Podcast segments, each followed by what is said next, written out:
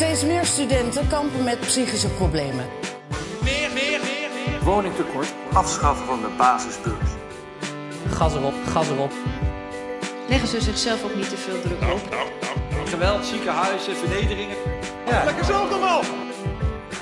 Welkom bij Studentenstof, de podcast voor alle Amsterdamse studenten. Met elke maand een wisselend thema en vaste rubrieken.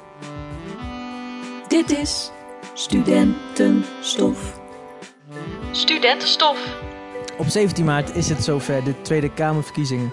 Voor studenten staat veel op het spel. De hoogste tijd om met studenten om de tafel te gaan zitten en te horen waar zij allemaal op letten als ze maar naar de stembus gaan. Op dit moment is de meerderheid van de Kamer tegen het leenstelsel. Maar de coalitie was niet van plan de basisbeurs opnieuw in te voeren. Gaat dit veranderen?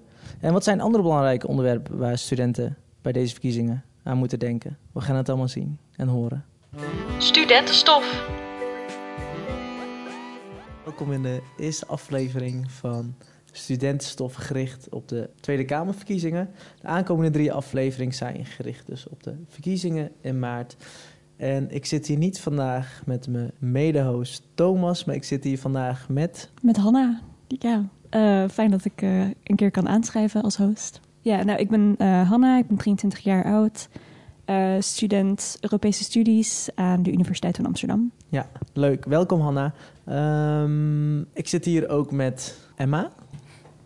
Ja, hoi, ik ben Emma. Ik ben 24 net. Ja, dat is nog even wennen. En eh, ik studeer theaterwetenschap ook aan de Universiteit van Amsterdam. Welkom Emma. We hebben ook nog een extra gast hier aan tafel en dat is Dion. Yes, dankjewel. Ik ben Dion Arendse, 21 jaar oud. Ik studeer bestuurskunde aan de Hogeschool van Amsterdam. Laatste jaar nu. Oké, welkom. Ehm, het idee van de komende drie afleveringen is dat we met twee vaste gasten aan tafel zitten. Dat zijn Emma en Hanna. En ik hoop dat volgende keer eh, mijn mede-host Thomas er ook bij is. En we hebben elke week een extra gast aan tafel. En dat is vandaag Dion.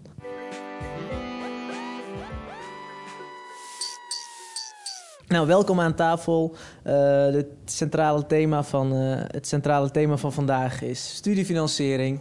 Het geld wat we nodig hebben om te gaan studeren. Het geld wat we van de overheid krijgen als stimulans eh, voor de studie. Ik denk dat we hier allemaal gebruik maken van deze mooie kans. Want dit is een, geen gift meer. Zit iedereen nog in het eh, oude stelsel of in het nieuwe stelsel? Hanna? Eh, ik ik eh, ben aan het lenen. Ik, Het is een eh, nieuwe stelsel. Een nieuwe stelsel, zeker. Ja, ik ook. Emma ook nieuwe stelsel. Ja, ik ook, Lenen. Dion ook nieuwe stelsel. Ook ik zit net nieuwe stelsel. Verkiezingen. In maart gaan we weer kiezen. Ik, eh, ik zie dat als, eh, als feest van de democratie. Je moet het niet gaan afkorten, want dan krijg je FVD. Maar ehm, ik zie het als, eh, als, als feest, zoals het Olympisch Spelen... dat eens in de vier jaar terugkomt. Eh, zie ik eh, eh, de, de, de Tweede Kamerverkiezingen, moet ik zeggen... Als, als een mooi moment. Hoe staan jullie daarin? Emma? Ja, het is natuurlijk niet vanzelfsprekend om stemrecht te hebben. Want helaas zijn er nog steeds heel veel landen waar dat niet zo is. En ik vind dat we er dat het eigenlijk onze plicht is om er gebruik van te maken. Het feit dat we mogen stemmen. Ik zie het eerder als een stemplicht dan dat het alleen maar mag. Ja. Dus ik vind het heel belangrijk. Oké, en Dion, heb jij al eens een keer gestemd? Is mijn tweede keer wordt dit. Ik help ook altijd met tellen en met, eh, in het stembureau zelf, die dag zelf. Ja, ik vind Ja. het altijd wel leuk. Leuke dag. Ja. Ja. Hanna, heb jij er zin in? Ik heb er enorm zin in. Eh, ik denk ook deze verkiezingen voelen wel natuurlijk wel anders dan de verkiezingen hiervoor. Eh, we gaan natuurlijk door een crisistijd, maar ehm, zeker met het onderwerp waar we het nu over hebben, er staat best wel veel op het spel voor mijn gevoel. Ja, het kabinet is gevallen, dus eh, dat, dat wordt ook nog heel spannend. Heeft dat invloed op, eh, op, eh, op de verkiezingen? Emma? Ja en nee. Ehm, het is een vrij symbolische actie geweest... die eigenlijk gewoon de situatie die over twee maanden sowieso zou ontstaan... vanaf de verkiezingen, ehm, gewoon heeft vervroegd. Dus in principe betekent het voor de huidige, huidige politieke situatie vrij weinig. En ehm, voor het stemgedrag van de Nederlander betekent het misschien wel heel veel... maar dat zien we pas na maart eigenlijk. Ja, ik denk dat de reden zelf vooral wel invloed heeft. Het aftreden niet. Wat ik zeg, symbolisch is het ook wel, denk ik. Ehm, we gaan het zien. Ik ben benieuwd, dat wel. Ja. Eh, ja, ik vroeg me af, wat zijn belangrijke thema's voor jullie als jullie gaan stemmen? Eh, waar letten jullie op bij de politieke partijen? Ehm, Toen ik voor de eerste keer ging stemmen, was ik uh, eigenlijk nog geen half jaar 18. En toen wist ik nog niet zoveel. En toen ging ik me heel veel inlezen. En toen kwam ik al snel met een best wel lange lijst van dingen die ik belangrijk vond. En die lijst is door de jaren heen eigenlijk alleen maar groter geworden. Um, als ik ze nu allemaal op ga noemen, dan, uh, dan zit hier nog wel even, denk ik. Maar um, als ik het uh, zou moeten samenvatten, komt het denk ik neer op onderwijs, kunst- en cultuursector, klimaat en racisme. Of eigenlijk heel specifiek antiracisme. Zijn er dingen op deze lijst die voor jou missen? Of, uh, werkgelegenheid. Ik ben bijna klaar aan het studeren. Ik wil graag wel een baan. Vind ik vrij belangrijk. Uh, economie. Dat zijn de thema's die wel dan uh, nog missen voor mij. Ja. En ik was een half jaar ook, net zoals jij, 18 toen ik kon stemmen. En ik wist eigenlijk helemaal niks. En ik stemde alleen maar VVD. En ik weet eigenlijk niet waarom, kan ik je zeggen. De lokale politiek sprak me toen nog aan. vandaar dat ik ook gewoon landelijk VVD ging stemmen. achteraf had ik eigenlijk veel beter kunnen inlezen. Uh, dus ja, dit jaar is het wel anders, denk ik. Deze podcast is een goed moment om, uh, om te luisteren. Want hier gaan we het juist hebben over onderwerpen die voor nu, als, voor jou als student, um, gelden. Um, laten we dan meteen een bruggetje maken naar studiefinanciering. Zouden jullie zonder studiefinanciering kunnen studeren? Emma? Um, die vraag heb ik nog nooit gesteld gekregen. Um, zelf ook nooit zo over nagedacht. Maar uh, ja, nee. uh, nee, ik, ik zou dan niet kunnen studeren. Of uh, mijn ouders zouden misschien helemaal krom moeten liggen... om dan namens mij mijn huur te gaan betalen. maar dan hadden mijn broertjes bijvoorbeeld niet kunnen studeren. Dus, dus dan werd... nee. Nee.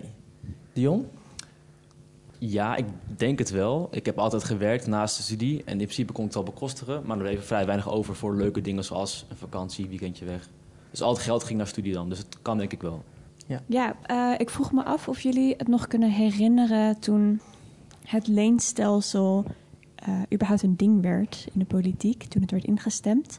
Ik kan zelf nog herinneren dat dit het eerste moment was op de middelbare school dat mensen gingen spijbelen om naar het Malieveld te trekken. Uh, om samen met allemaal SP politici uh, te gaan demonstreren tegen het leenstelsel. Want dat zou er echt voor, zou er echt voor zorgen dat studeren gewoon onmogelijk wordt voor iemand die niet bij de, bij de elite hoort. Kunnen jullie het nog herinneren, dit moment? Ik kan het me herinneren, maar ik uh, heb zelf toen nooit geprotesteerd. Met terugwerkende kracht vind ik dat heel erg jammer. Uh, maar ik was er gewoon net niet genoeg bij betrokken. Het studeren lag nog net te ver van me af. Ik zat volgens mij in de vijfde klas. En um, ik was vooral heel erg bezig met gewoon op dat moment mijn proefwerken halen en niet zo heel veel met studeren nog. Uh, maar ik wist wel dat het gebeurde. Ik heb het meegekregen in de media toen. Um, gedeeltelijk ook wel omdat mijn ouders er best wel betrokken bij waren. Die waren er meer mee bezig dan ik toen. Ja, ik weet het zeker nog. Ik heb niet gedemonstreerd. Dat niet. Uh, ik was vooral een beetje teleurgesteld. Ik denk, ja, nu kan ik bijna zelf binnenkort studeren. Moet ik het zelf gaan betalen? Ik vond het vooral heel jammer. Um, maar niet gedemonstreerd. Nee, dat niet. Voordat we hier nog dieper uh, over, uh, over doorgaan uh, en straks de, de, verkiezingsprogramma's induiken, hebben we nu eerst Laura cijfers met feitjes. Cijfers en feitjes, cijfers en feitjes met Laura. Wist je dat per 1 september 2015 de basisbeurs afgeschaft werd en het huidige leestelsel werd ingevoerd? Bijna 70% van de studenten leent Gemiddeld lenen studenten 700 euro per maand. Er vanaf 2017 geen rente betaald wordt over dit geleende bedrag. In 2019 de totale Nederlandse studieschuld van oud-studenten en huidige studenten 19,3 miljard euro bedroeg. In 2019 1,4 miljoen mensen een studieschuld had. De eerste vier maanden na de invoering van de nieuwe studiefinanciering 62% van de studenten een lening heeft afgesloten bij Duo sinds de invoering van het leenstelsel in 2015 de totale uitstaande studieschuld in vier jaar met 5 miljard euro is gegroeid. De ongeschreven islamitische wetgeving verbiedt in beginsel rente op leningen en hierdoor een groep studenten niet kunnen studeren. Studenten door het leenstelsel vaker thuis blijven wonen. De meeste partijen in hun verkiezingsprogramma's hebben opgenomen dat het leenstelsel afgeschaft dient te worden. We hebben net uh, Laura gehoord. Um, voordat we naar Laura gingen, hadden we het over het leenstelsel. Um, is het misschien een idee dat we verkiezingsprogramma's induiken? Ja. ja. Emma, wat, uh, wat heb jij gevonden? Uh, nou, het is best wel opvallend dat eigenlijk bijna elke partij zich heeft uitgesproken tegen het leenstelsel inmiddels. Um, de VVD helaas nog steeds niet als enige. wat uh, wel lastig is, is dat sommige partijen met hele concrete plannen komen om bijvoorbeeld de, wat we noemen de pechgeneratie te compenseren. En sommige partijen hebben gewoon geroepen... ja, nee, dat leenstelsel dat kan niet meer, we schaffen het af. Zonder dat ze met een plan komen of met een idee. En um, daar bereik je natuurlijk niet zoveel mee. En je noemt de pechgeneratie. Kan je, kan je uitleggen wat je daarmee bedoelt? Uh, nou ja, als de situatie ontstaat dat het leenstelsel wordt afgeschaft... Um, en er een vorm van basisbeurs terugkomt... dan gaat er alsnog een hele grote generatie studenten zijn... die uh, geen basisbeurs heeft gehad op geen enkele manier. En een studie eindigt met een uh, studieschuld van gemiddeld 30.000 euro. Um, dat is natuurlijk niet zo eerlijk vergeleken met hun voorgangers en hun nakomers. Uh, dus daar moet iets voor bedacht worden. En um, ja, die pechgeneratie moet op, op een manier gecompenseerd worden. Ik zit nu in een partijprogramma en ik zie dat pechgeneratie oud-studenten die vanaf 2015 zijn begonnen met studeren, een studievoucher krijgen van ter waarde van 4000 euro. Is dat genoeg? Nee, dat is nog niet eens twee jaar collegegeld. En dat is niet je grootste uitgave als student, zeker niet in Amsterdam. Um, als je maximaal leent, ben je alsnog met de gemiddelde huurprijs die een student betaalt, ongeveer twee derde daarvan kwijt aan je huur. Dus dat, uh, nee, dat is niet genoeg. Het is een mooi aanbod natuurlijk, het is ook fijn, maar inderdaad niet genoeg. Um, boeken, collegegeld, als je niet thuis woont, nog huur betalen. Er komt veel meer bekijken dan alleen de collegegeld. Dus um, ja, mooi bedrag, maar daar kan best meer bij, denk ik. En heb jij nog, uh, ben jij nog iets tegengekomen, Dion? Nee, niet specifiek in partijen, maar je ziet wel dat echt um, bijna alle partijen, en wat je zegt ook net de VVD niet, zich wel keren tegen het huidige leenstelsel. De een wat anders dan de andere. Uh, maar er is blijkbaar wel een verplaatsing of een wisseling van verdachten uh, plaatsgevonden. Dat is best interessant, maar ik hoop ook dat dat zo blijft met de aankomende formatie. Um, de ChristenUnie was natuurlijk ook tegen het leenstelsel, maar is toch een kabinet ingegaan die het wil behouden. Dus we gaan zien wat eruit komt over een paar maanden. Ja. En uh, dan bijvoorbeeld een partij als D66 uh, komt met een mooi plan voor 400 euro per maand voor studenten. Um, dat is een bedrag dat al best wel wat is, zeker vergeleken met de 0 euro die we gratis krijgen. Alleen stellen ze daarbij wel de voorwaarde dat de ouders tot een maximaal bedrag mogen verdienen per jaar. En daarmee maak je studenten opnieuw afhankelijk van het inkomen van hun ouders. Terwijl we juist willen dat vanaf het moment dat je gaat studeren, je zo zelfstandig mogelijk wordt en zo min mogelijk afhankelijk bent van je ouders, van het inkomen van je ouders. En uh, daarnaast betekent uh, het niet per se dat jij ook veel geld hebt als je ouders veel geld hebben. Um, en dat is iets belangrijks om, om mee te nemen. Ja, goed punt. Ja, jullie hebben allebei genoemd dat uh, overwegend best wel veel partijen nu opeens tegen het leenstelsel zijn, weer voor een vorm van een basisbeurs. Uh, vergeleken met, nou, wat is het, 2015. Wat is er gebeurd, denken jullie, dat al deze partijen nu opeens wel tegen zijn? Er is een groot aantal partijen geweest dat um, eigenlijk gewoon mee is gegaan met um, de partijen die het leenstelsel hebben ingevoerd. Uh, die uh, zelf er niet zoveel over te zeggen hadden, omdat ze ook niet in het kabinet zaten. En dachten van, nou ja, het zal wel, we doen gewoon mee, we denken er niet zoveel over na. Um, en um, eigenlijk was GroenLinks de eerste partij die zei... nou, laten we er nog een keertje extra over nadenken. Terwijl zij ook oorspronkelijk voor het leenstelsel waren. En nou, heel eerlijk, dat is natuurlijk ook gewoon een manier om jonge stemmen te winnen. En uh, stemmen van ouders met studerende kinderen... of toekomstig studerende kinderen te winnen. Um, het is vrij symbolisch, tenzij je met een concreet plan komt... en met een concrete aanpak... Um, en uh, omdat GroenLinks zich enorm populair heeft gemaakt met die uitspraken, zijn veel partijen daarbij gaan aansluiten. Maar er zijn weinig partijen die van begin tot eind anti-leenstelsel waren. Dion, jij knikte ook ja bij de vraag van uh, Hanna. Ik denk dat het sowieso wel een politieke keuze is om ook je te keren tegen het leenstelsel. Dat maakt je populair bij studenten. Toch denk ik ook dat de afgelopen jaren wel gebleken is dat van die beloften van investeringen niet altijd uh, uitkomen. En daarnaast krijgen jullie volgens mij bij ASFA ook veel signalen van studenten binnen die klachten krijgen. Die voelen heel veel druk. En die klachten moet je wel serieus nemen, denk ik. Uh, dus ja, één politieke keus, maar het brengt ook veel nadelen met zich mee. Ja, jij had het over herinvestering in het uh, onderwijs. Ja, dat was die 1 miljard toch, die in 2026 zal geïnvesteerd worden. Ja, volgens mij was volgens mij laatst nog een artikel dat het helemaal niet ten goede komt. Het gaat naar duurzame broodjes in de kantine. Uh, volgens mij zijn er heel veel voorbeelden die niet echt ten goede komen van de kwaliteit van het onderwijs. Um, dus ja. Duurzame broodjes in de kantine? Ja, kan best lekker zijn. Maar ik vraag me... En duur? En duur, ook, ja, en duur. Maar kwaliteitsonderwijs, dat weet ik niet. Volgens mij moet je investeren in docenten, opleiding van docenten, kleinschalig onderwijs en uh, niet in duurzame broodjes. En daarnaast um, wordt er al heel lang systematisch bezuinigd op onderwijs op alle fronten.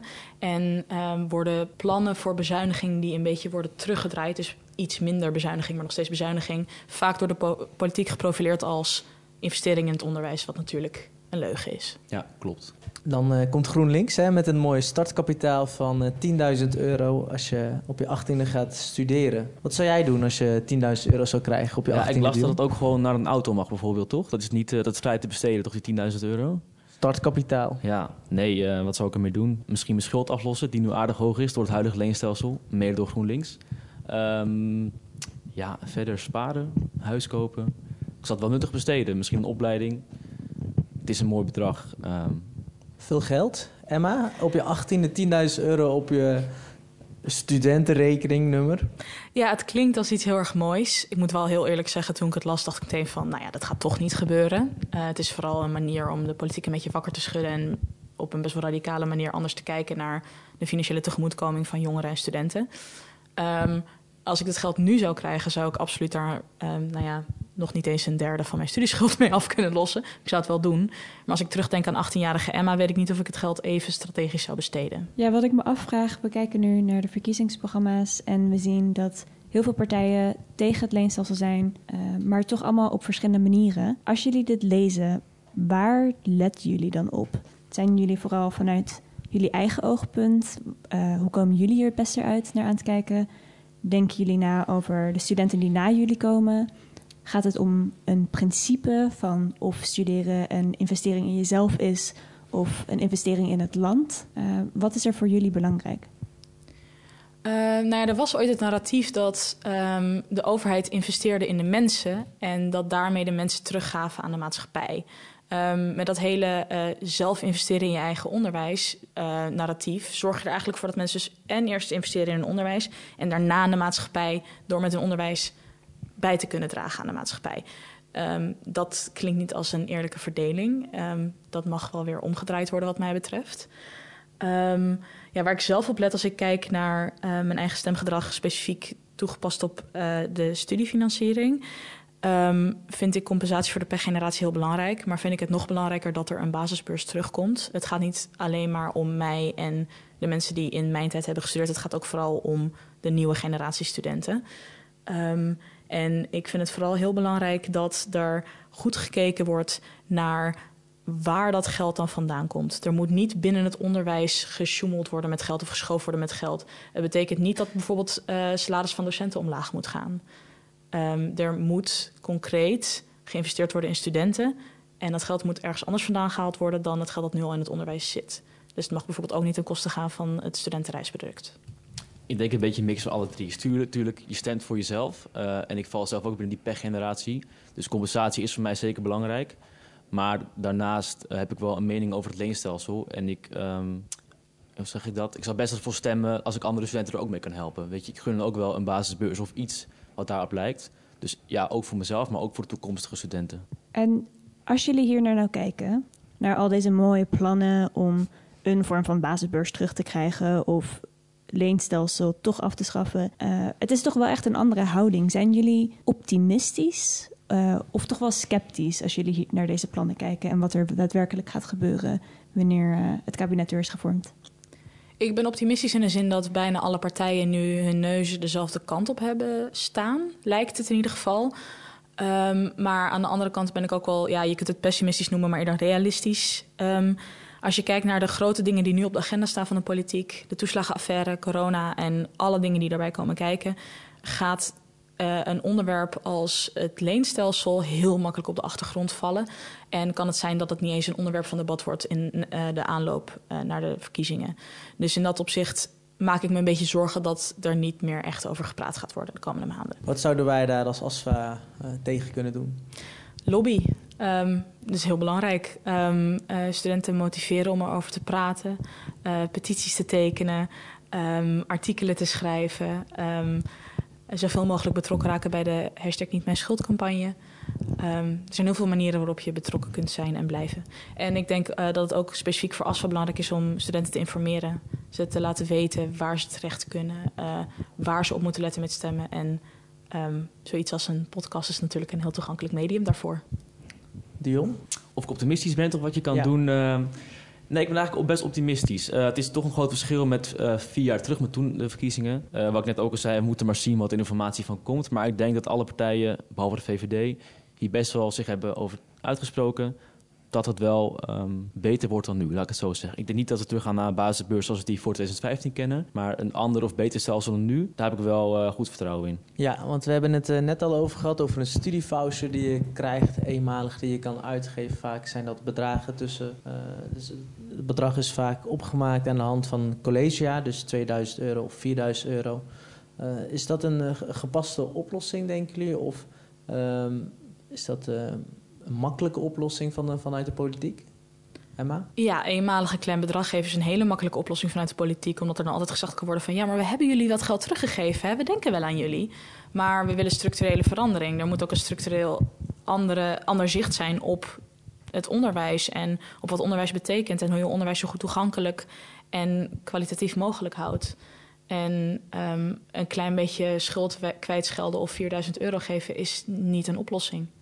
Ja, ik zei het net al, 2000 euro is een mooi bedrag, maar het staat gewoon, als je die naar de kijkt in de schuld nu, is 2000 euro niks. Eh, dat verhoudt gewoon niet tot elkaar. Maar zeker een mooi bedrag en ik ga het zeker uitgeven hoor. Het is nu van mij, dus eh, dat komt wel goed. Ja, Emma, je had het net over toegankelijkheid. Kan je daar iets verder op ingaan? De verhouding tussen het leenstelsel, basisbeurs en toegankelijkheid van het onderwijs?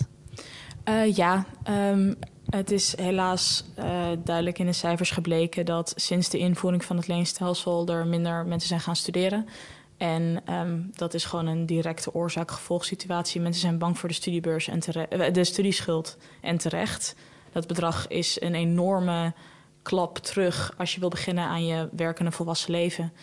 Ehm, dus eh, op die manier is het onderwijs minder toegankelijk voor mensen die bang zijn voor die studieschuld. En natuurlijk zijn de mensen die uit een beter milieu komen minder bang voor die studieschuld of bouwen hem niet eens op.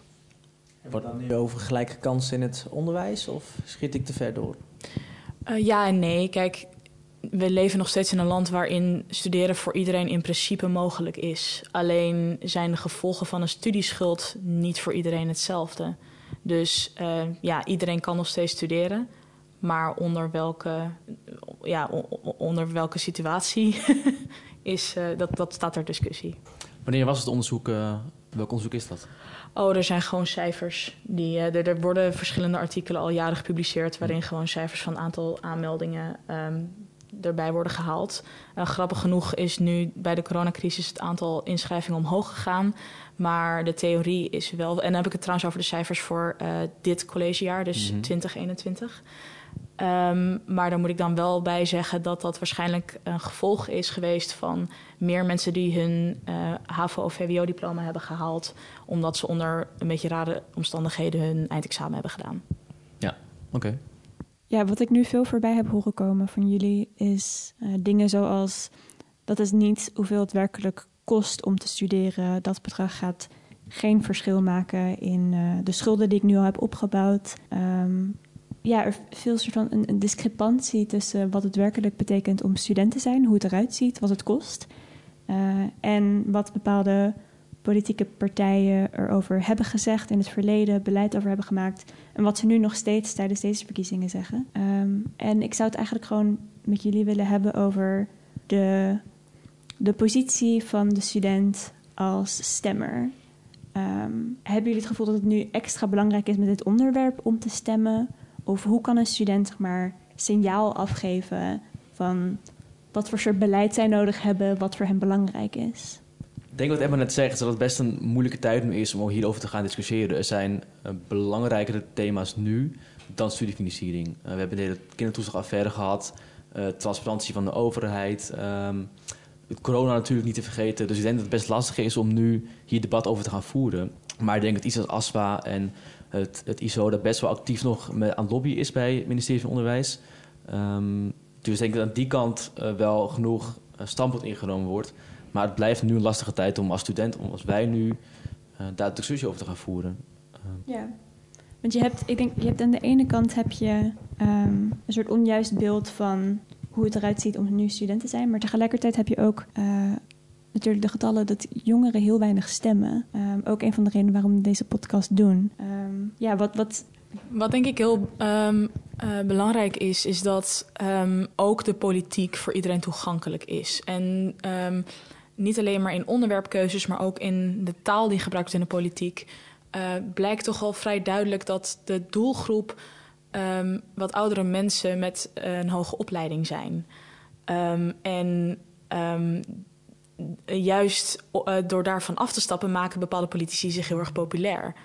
En die doen dat dan op een manier waar ik het dan weer niet zo mee eens ben. En ik heb daar zelf heel veel over nagedacht. Hoe maak je politiek op een niet-rechtse manier toegankelijk voor jonge stemmers?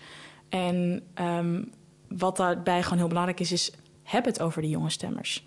Denk niet alleen maar aan de mensen die al werken, de mensen die ouderen zijn of aan de AOW. Denk ook aan het leenstelsel. Denk ook aan, uh, aan uh, investeren in het onderwijs. Denk ook aan de rechten van jonge mensen. En um, ja, het is niet alleen maar aan ons als jonge mensen om andere jonge mensen te motiveren om zich te interesseren in de politiek. Het is ook aan de politiek om een hand uit te reiken naar die jonge mensen en te zeggen: Kijk, we denken ook met jullie mee. Juist nu ook met corona, want um, het is uh, maar weer gebleken dat er echt van het daken geschreeuwd moet worden dat bijvoorbeeld een studentenhuis ook een huishouden is. Het feit dat de politiek en de gemeente daar niet automatisch over denken, is zorgelijk. En het is niet alleen maar onze taak om hierover te beginnen. Er moet ook gewoon aan ons gedacht worden, want wij zijn ook onderdeel van de maatschappij. En wij zijn ook stemmers. Of in ieder geval potentiële stemmers. Ja, een zeer, zeer goed punt van, uh, van Emma. Ik weet niet of Dion hier nog op uh, wil aanvullen. Ja, het is natuurlijk verkiezingstijd. Dus we gaan nu waarschijnlijk heel veel partijen zien die ineens heel veel aandacht hebben voor de student. Um, en dat ze dan met ons willen gaan praten en een goede idee hebben over het leenstelsel. Um, wat je zegt klopt wel. Ik denk dat het wel gedurende vier jaar nog beter kan. Uh, door meerdere partijen. Niet alleen de aankomende twee maanden, want het is verkiezingstijd en we hebben stemmen nodig. Oké, okay, dan uh, sluit ik met dit mooie, mooie verhaal van, uh, van Emma af. Um, dan zijn we ten einde gekomen van de podcast. En dan wil ik jullie graag bedanken voor jullie tijd en input. Hanna en Emma zie ik de volgende keer terug. Uh, Dion niet meer. Nee. Ja, dank jullie wel voor, voor jullie komst. Hanna, Emma en Dion. Succes nog. Graag gedaan, tot de volgende keer. Ja, dank je.